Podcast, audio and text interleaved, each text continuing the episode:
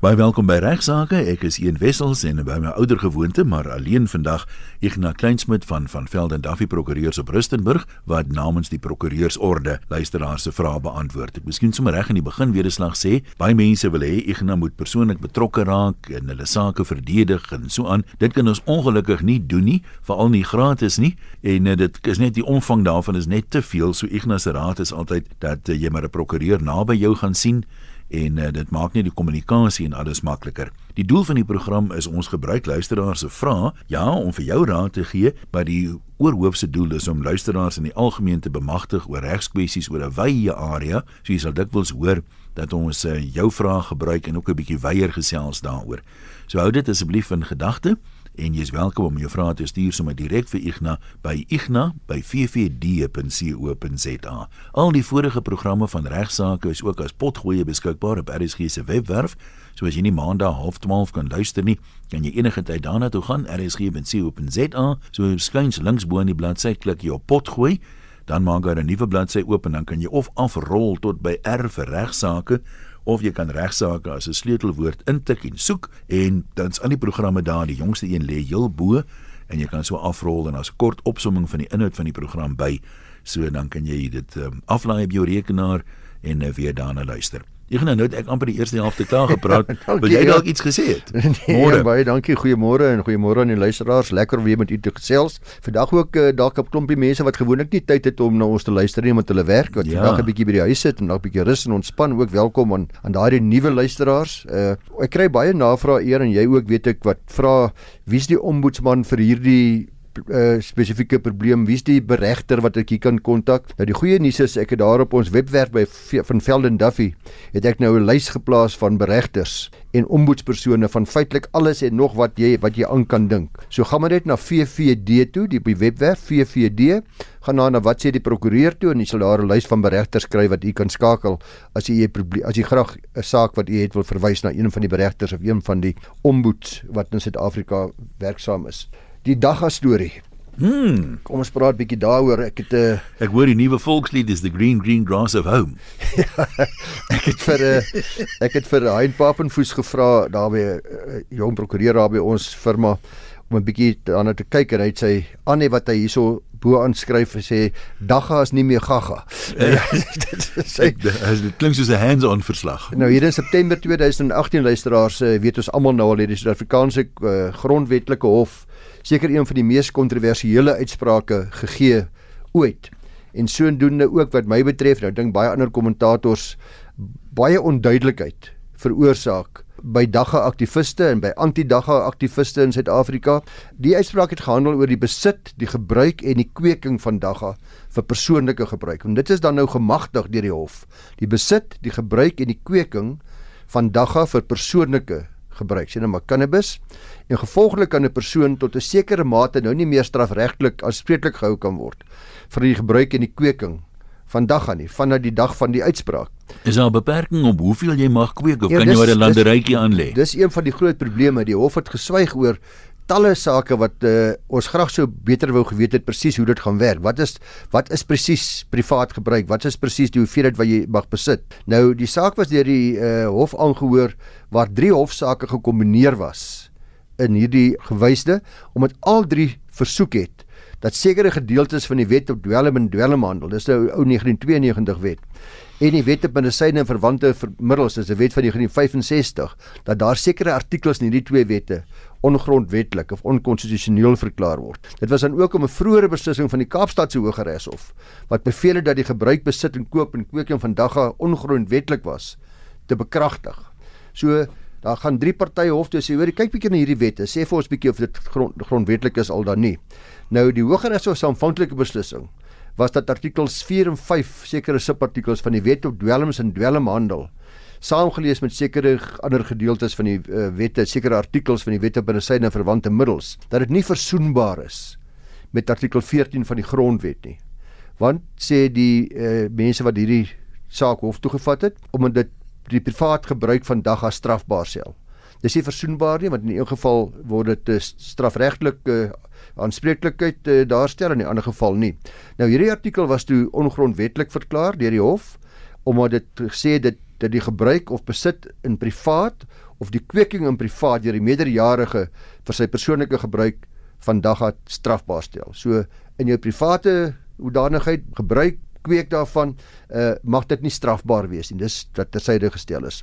Uh dis toe gedeeltelik deur die hof bekragtig deur ons grondwetlike hof, maar en dis waar die probleem kom. Hierdie gedeeltelike bekragtiging dat dit nou dat ek nou kan dit persoonlik gebruik of kweek is vir 24 maande opgeskort die bekragtiging uh, om die parlement tyd te gee om hierdie artikels te wysig. Dit is wat die artikels betref. Die artikel self is op, is opgeskort vir 24 uh, maande sodat dit uh, dan aan die grondwetlikheid van die reg op privaatheid kan voldoen. En die hof gaan dan verder en hulle sê dat 'n persoon nie strafregtelik aanspreeklik gehou kan word intussen vir die besit, gebruik of kweek van dag aan nie. So daar's geen reëls nie, maar intussen kan ek nie aanspreeklik wees uh, jy mag jy mag nie verkoop nie. Ek mag nie steeds nie verkoop nie. So dit is baie onsekerheid geskep veral omdat die begrip privaatheid baie vaag deur die hof beskryf was. En is baie persone nou onseker oor 'n persoon se privaatheid wat dit behels. Waar mag ek dan nou hierdie dag gaan rook? 'n Tweede vraag wat ook natuurlik by die luisteraars kan ontstaan, is waar persone ewe skielik dan dag gaan kry om te plant vir persoonlike gebruik. Dis nou 'n praktiese ja, vraag. Ja. Terwyl die handel nie gedink het nie. Die handel dryf is onwettig. Ja. Maar waar gaan ek nou kry om te kweek? Of waar gaan ek kry om te rook? Ja, so dis so baie baie weet nou die korporasie nie die saad aan nie. Ja, en wat baie interessant is uh, vir die saak Ian luisteraars, is spesifiek dat die Hooggeregshof aanvanklik die gebruik van dagga beperk het tot 'n persoon se persoonlike woning. Dit is baie duidelik in hierdie eerste hofsaak wat die Hooggeregshof gesê het dan nie die grondwetlike hof nie die Hooggeregshof die eerste hof gesê het dit is in jou persoonlike woning. Dis wat die woorde wat gebruik is. Maar die grondwet hof kom nou in inteendeel en beslis dat die reg op privaatheid soos vervat in die grondwet baie wyer strek as jou persoonlike woning of huis uh, maar hulle sê nie spesifiek hulle versuim om spesifiek te sê te omskryf hoe ver die reg op privaatheid sal strek en uh, waar 'n persoon nou sal kan dagga gebruik en waar hy dit sal kan kweek. 'n Mens moet dus nou wag vir 'n formele aanduiding van die SAP wat nou hierdie ding moet interpreteer en sê dis wat ons gaan hmm. beskou as aanspreeklikheid en dis wat ons gaan beskou as uh, as 'n uh, nie aanspreeklik nie. Ek dink dis maar die privaatheid. Ek meen die, die situasie wat er by my opkom met Desember maand, baie mense gaan nou vakansie by die see. As ek nou ver langs die see gaan stap vroeg in die oggend en ek is omtrent die enigste mens daar Ja. Uh, wat 'n ander ou loop en rook in 'n sigaret kan ek dan nou nie maar dis mos half privaat. Wie anders nee, moet so, lê daaronder? So wat my bekommer het is dat die regter nogal gesê regter Zondo wat die uitspraak gelewer het, het gesê nee, hulle dit oorweeg, maar toe besluit nee dat uh, dit moet oorgelaat word om te besluit hoeveel dagga gebruik kan word, hoeveel besit kan word, hoeveel gekweek kan word om dit onder die vaandel van persoonlike gebruik laat val. Dit moet oorgelaat word uh, aan die parlement om dit bewyse van wetgewing uit te speel. Ek praat nou onder korreksie, maar as ek reg onthou was daar 'n vermoede dat as jy meer as 'n sekere hoeveelheid dagga by jou het, was daar 'n weerlegbare vermoede dat jy handel dryf ja. in dagga aan een van die ou wette. Maar kan jy onthou hoeveel dit was nie? Dit was ek kan nie onthou hoeveel gram dit was nie, maar uh, jy sal onthou daardie tyd was daar ook verpligte strawwe gewees, nê? Ja. Vir handel dryf was dit 'n 5 jaar. Dis waar. Verpligte straf, verpligte gevangenisstraf en vir besit was dit 2 jaar. Dis toe ek 'n jong prokureur was.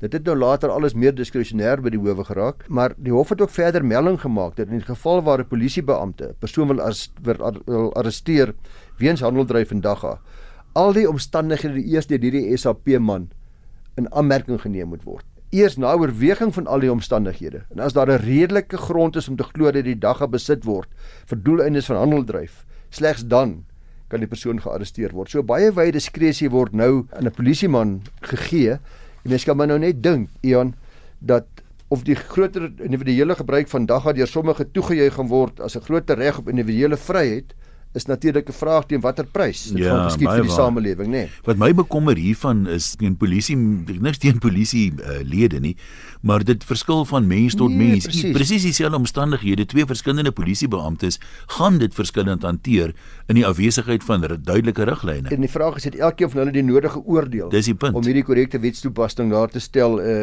en natuurlik wat ons nou ook kyk die die ondersteunende gesondheidsorg wat hiermee saamgaan, die beskerming van minderjariges wat hierso betrokke is wat in die huise is waar daar gerook word. Ag in die, die maatskaplike dienste, die beradingsdienste. Daar's 'n hele wye wye veld van 'n saak wat glad nie aangespreek is nie wat nou eers oor 'n tyd van 2 jaar deur wetgewing aangespreek moet word. Daar sal verseker ook hangende gevalle wees waar iemand gearresteer is sê maar vir besit van dagga, maar is nog nie verhoor nie Ek weet nie of die sake nou mag gaan teruggetrek word of niemand weet wat ou nou gaan doen prakties in die hof nie. Per spekuleer daaroor en hulle sê onseker daaroor. Nou onthou net net dit baie duidelik maak dat die gebruik eh, die besit, die kweking ensovoorts van dagga deur minderjariges is steeds onwettig. Geen twyfel daaroor nie. En moenie net jou lewe omwens nie, toe. Ja, maar soos ek nou sê, na hierdie uitspraak is my brein meer beneveld oor dagga as wat dit was voor die tyd. Uh op 'n ligter noot net uh, uh, uh hulle sê dagga sal baie jare wettig in Nederland. Dis hoekom hulle so snaaks Afrikaans praat. Daar's nog 'n storieetjie dat hulle sê as jy wil weet of dagga regtig wettig is, as hy vir minderjarig is, probeer dit vir jou maar ook. ja, dis 'n dis 'n goeie vraag. En as jy al tevore bekend gestaan het as 'n drugdealer, die ou drugdealer sê hulle nou van hierdie uitspraak af is jy nou 'n bloemis. Daar is ook 'n Engelse opmerking wat ek raak geloop het wat hulle gesê het, this will lead to an increase in joint ventures. Ja. but but not only between people in high places also between high people in low places. Ian, uh, jy sal ook weet ons is werklik oorval en ek uh, weet jy en jou persoonlike hoedanigheid ook oor die ANC se stellings dat grond in die toekoms onteien gaan word. Ja, sonder ja. vergoeding. Nou uh, en dit is nou nie, jy weet, nou gaan die president Amerika toe en maak hy sekere ja, uitsprake, ja, ja, maar nou ja, was ja. Afriforum voor hom daar. Dis reg, ja. Nou daar's nie enkele koerant wat nie deelneem aan hierdie gesprek nie. Dit is my baie duidelik dat daar nog steeds groot onduidelikhede en onsekerhede is by baie mense baie mense wat ook net hoor wat hulle graag wil hoor. Dis ook vir my baie interessant. Die twee groepe. Ja. Hulle hoor dis maar mense. Dis ja. En daar's 'n baie paar, daar's 'n klompie spelers wat baie stout ook is. Wat emosies opjaag en dan is daar weer ander groepe wat daarop uit is om van die hele kwessie 'n groot politieke speelbal te maak. Nou, hierdie program word aangebied deur die Prokureursorde van Suid-Afrika en verteenwoordig ek dis alle prokureurs hier van Suid-Afrika. En net soos by die algemene publiek is daar ook onder prokureurs uiteraard uiteenlopende standpunte hieroor en as gevolg van die emosionele en die politieke aard sal dit uh, van my kant af arrogant wees en uh, nie reg wees om my eie persoonlike standpunt hieroor te opper nie. Wat ek wel kan sê, dit is sonder vrees vir billike teespraak. Sodat ons almal baie trots kan wees op die wyse waarop ons howe tot dusver ons grondwet en talle uitsprake. Ja, dis waar. Behoorlik beskerm het vir al eiendomsreg. Eiendomsreg. Nee, ek ek, ek hoor hulle sê almal is ten gunste van onteien grondonteeneming sonder vergoeding mits dit nie jou grond is nie. Ja, dis reg. Ja, ek sien so. Ek is uh, van die vaste oortuiging dat ons hoewe verseker dat ons regstaat 'n regstaat is in die ware sin van die woord waar die soewereiniteit van die reg baie hoër geag word as ooit tevore en ek sê uh, dit nie ten staan in die feit dat daar baie aanduidings was dat daar uh, sekere rolspelers is van tyd tot tyd wat probeer om ons howe te ondermyn en hulle sleg te probeer maak en verdag te maak. Ek sê dit ook omdat uh, uiteindelik 'n hoofrolspeler in die gronddebat in die laaste instansie En dan kom ons hier, ons praat van die laaste loopgraaf hier. Die grondwetlike hof sal wees uh met hulle 11 goed gebalanseerde regters. Talle politieke rolspelers het reeds daarop gesinspel of aangedui dat hulle die grondwetlike hof uiteindelik sal nader die hulle nie tevrede is met die uiteinde van onteiening sonder vergoedingsresultate nie. Maak nie saak wat die resultate gaan wees nie. Na een of ander kant toe dink ek ons gaan uiteindelik by die howe opeindig. Dit is sodat ons howe as gevolg van omstandighede deur sommige uh, mense gekritiseer word. Uh as dit dat hulle hulle inmeng in sake wat niks met hulle te doen het nie. Met ander woorde dat daar 'n oorskriding is van die van die magte dat hulle eintlik uh, beland het in die politieke arena en uh, soms nie mooi onderskei tussen hulle bevoegdhede waar hulle bevoegdhede op in die staatse uitvoerende gesag begin nie uh, dit oorvleuel dikwels. Uh, ek dink dit was dikwels nie uit eie vrye wil nie. Uh, ek het dit al voorheen in die program gesê, maar telkens 'n saak van noodsaaklikheid dat die howe so klein bietjie oorvleuel het en in noodgedwonge dit moes doen.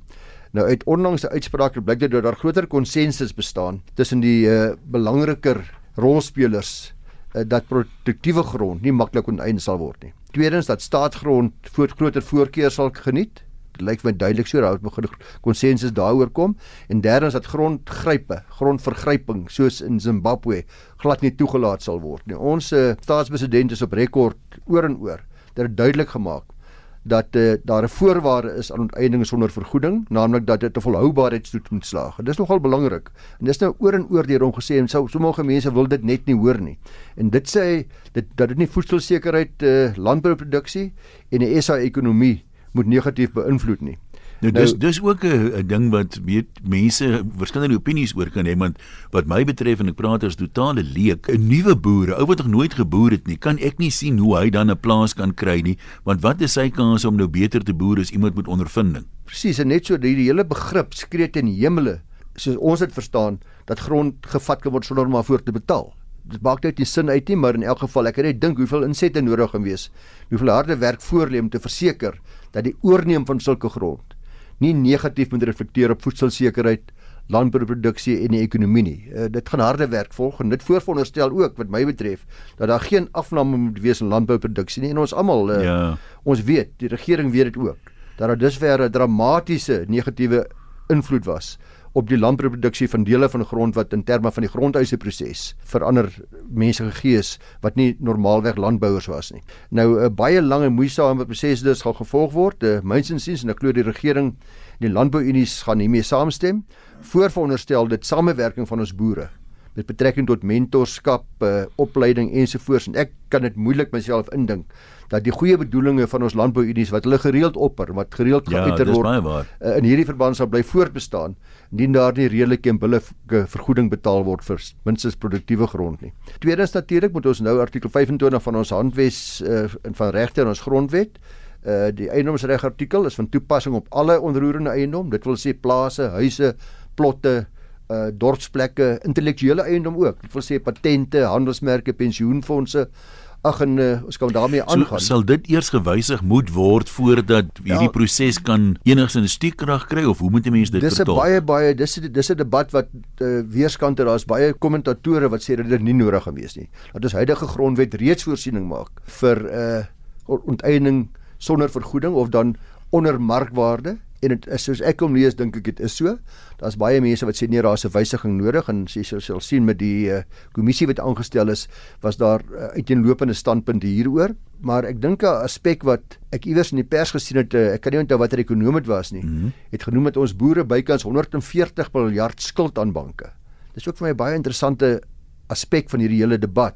Dit wil sê verbande op hulle landbougrond. En hierdie ekonom vra dan die vraag: Wie gaan hierdie verbande delg? Of diens of betaal as die grond geneem word sonder betaling daarvoor. Nou uit 'n regsoogpunt luisteraars en as ons ekonomiese realiteite in die gesig staar, dink ek kan ons tog op hierdie program maar antwoord as volg. Wanneer die regering sê dat hulle grond gaan vat sonder vergoeding, dit is nie sommer net vervat nie. Dit gaan nie so maklik wees nie. Uh, ons weet ook nie presies watter gronder sprake is nie. Dit begin al hoe meer vir meer lyk uh, as ek kyk na wat die koerante sprake van 'n lys wat uitgelek het so ruk terug. Ja, dit Maar dit was nou nie 'n amptelike lys nie, mens. Daardie lys het uiteindelik gebleik net grond te wees waar daar reeds geskille was in terme van die grondrestitusieproses. Ah. Maar dit word ook baie duidelik dat die regering al hoe meer duidelik maak dat hulle hoofsaaklik wil kyk na onproduktiewe grond grond wat nie behoorlik benut word nie. Dit is maak want ek meen jy wil nou mos nou bydra ja. tot voedselsekerheid. En dat daar ook baie mooi gekyk geword na grond wat aan die staat behoort. Wat ook belangrik is want daar is baie baie miljoene uh, hektare grond ja. wat aan die staat behoort.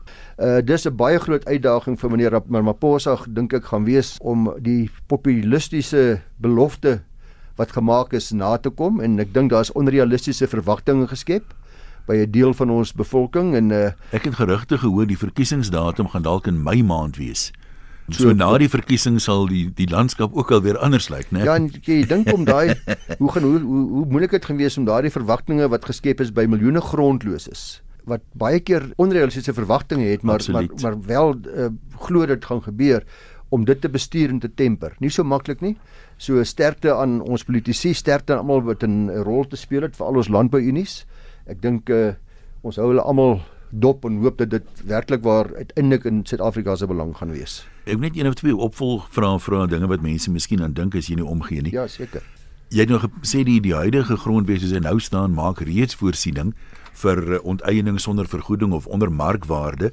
Watse gevalle sou dit nou wees? Iets soos 'n pad wat gebou moet word of 'n dam of 'n ding kom by my op. Kan jy ons ja, bietjie meer inligting daar? Die daarvoor is die huidige artikel 25 sê dat onteiening kan plaasvind in openbare belang presies wat jy nou genoem het. In ander woorde, uh, dis baie belang om 'n uh, telefoonlyne op te sit, om 'n uh, paaie te bou, ja. om elektriese bedrading te gee. Dis ook 'n openbare belang, myns en siens of dalk soos dit tot dusver gebeur het wat oneiening betref, om grond herverdeel waar daar onbillike wyse grond gevat is by mense op 'n wyse wat in terme van sekere soos die ou 1913 weer die ou 1936 wet.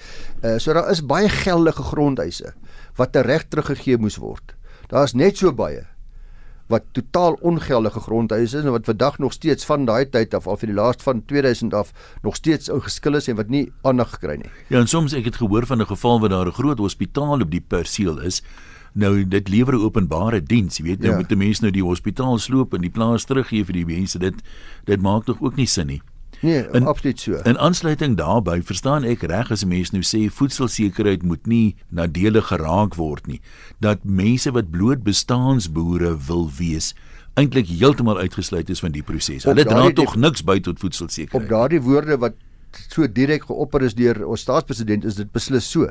Aan die ander kant kan jy natuurlik 'n situasie kry, dit het ons baie met ons grondeise prosesse gekry waar 'n hele groot gemeenskap herplaas word op 'n gebied waar hulle opgeregtig ja. was en dan natuurlik gaan dit outomaties lei tot tot 'n bestaansboerdery en dit het dan 'n negatiewe invloed op landbouproduksie, geen twyfel nie. Nee, want veral as jy mens dit nou balanseer met die toename in bevolkingsgroei, ek meen die uitdagings vir voedselsekerheid, ons kan dit nie hou soos dit is nie. Dit sal toenemend moet verbeter om al hoe meer monde te voed. Nee, dit is so 'n ander baie interessante aspek wat deur talle mense geopper is in die media en waaroor daar verskil word is of die ANC na 2019 soos jy nou sê my maand waarskynlik daaraan sal slaag om die parlement 'n 2/3 meerderheid te bewerkstellig ten einde artikel 25 te wysig want onthou dis nodig daarvoor om die grondwet te wysig meer as 2/3 66,67%. Uh die vrees is natuurlik dat die ANC met sy huidige 62% uh, daarin kan slaag indien die EFF hulle stem by die ANC voeg Dit blyk dat die EFF reeds in daardie rigting begin dink of geleide gemaak het by van tyd tot tyd. Die probleem is egter dat daar ook geen twyfel bestaan by my en ek dink hmm. dit het ek al uh, in die pers ook opgetel dat daar heelwat lede is van die regerende party in die parlement wat nie saamstem met die konsep van onvoorwaardelike onteiening sonder vergoeding nie. So daar's ook 'n verdeling onder hulle self. Daar het ook 'n dokument uitgelek wat na bewering deur oud-president Thabo Mbeki geskryf is waar hy baie krities is hieroor. Ja, en onthou nou weer eens, ek sê wat ek, ek gaan eindig met waarmee ek begin het, toe gesê dat die belangrikste struikelblok gaan nog steeds wees om hierdie bepaling deurgevoer te kry. Selfs as sou die parlement daarvoor stem, dan moet dit nog steeds deur die grondwetlike hof beoordeel word in die lig van al die ander beginsels al die ander regte van die grondwet. Hy kan nie in isolasie gesien word nie. Ja. Hy moet gesien word en dit gaan nie so maklike struikelblok daardie wees nie. So ja, dis 'n ding wat baie emosie uitlok. Soos ek sê, ek ons neem hier standpunt in nie behalwe om te sê dat daar gaan nog baie baie water in die see loop uh, voordat hierdie 'n uh, werklikheid gaan word. Die hartseer ding is, ek meen hoe gouer daar regsekerheid kom hoe beter want die mense het ook reeds baie berigte gehoor dat die markwaarde van plase word beïnvloed en dat boere moet geld leen om te weet te saai vir volgende jaar daai tipe van ding. Maar dat die banke nou huiwerig is want in die lig van al hierdie onsekerheid kan die markwaarde van die plase beïnvloed word. So boere wat reeds boer se sekuriteit is nie meer werd wat dit 'n jaar terug werd was nie. Word so beweer as ook weer baie mense wat sê dat dit is uh, nie werklik uh, so nie dat die boere besef dat die produktiewe grond nie geneem gaan word nie en dat daai versekerings deur hulle aanvaar word. Maar weer eens, daar's verskillende groeperinge in ons land wat uh, verskillende geleide maak. So ek sê party is uh, ver regs, party is ver links en die, maar die middelgroep dink ek uh, aanvaar met redelike gemak dat hulle kan staat maak op dat dit onproduktiewe grond geneem gaan word in nie produktiewe grond. Prakties gesproke hoor 'n mens nogal baie van landbouunies eh, wat daar 'n gees van samewerking is waar mense werklik oplossings soek om gedeeltes van 'n plaas beskikbaar te stel aan arbeiders of hulle belang te gee en eiendomsreg op die plaas. So daar is 'n mens moet ook ter wille van balans dink ek dit sê, baie mense wat soek na praktiese oplossings wat hierdie hele proses dan nou eintlik irrelevant kan maak as ons die die doel kan bereik sonder grondwetwysigings en so aan. Ja, ek ek is altyd ongelooflik beïndruk deur die hoeveelheid boere wat al hierdie pad geloop het. Ja, as jy net die TV-programme gekyk het, uh, dan is dit vir my elke keer opmerklik oor hoeveel welwillendheid daar is tussen boere en werknemers en hoeveel daar al gedeel word om dit vir almal uh, sinvol te maak om op daardie plaas te werk en deel te wees van die opbrengs uh, wat daar gelewer word. Die ander uh, aspek uh, een is natuurlik dat die nuwe komitee wat ook nou aangestel is deur die uh, staatspresident om die hele proses te probeer bemiddel tesame met hierdie ondersoekkomitee het ongelooflike sterk persoonlikhede by, mense wat baie gebalanseerd is. En net die feit dat die regering daardie komitee aangestel het met soveel gebalanseerde deelnemers is vir my ook 'n groot bron van uh versekering dat dit dat daar werklike pogings gaan wees om 'n goeie balans te vind. Nou dis alwaar ons vandag gaan tyd hê. As jy uh, gaan ry hierdie Desember vakansie, ry asseblief veilig. Ons is DV volgende maandag terug met nog regsaake.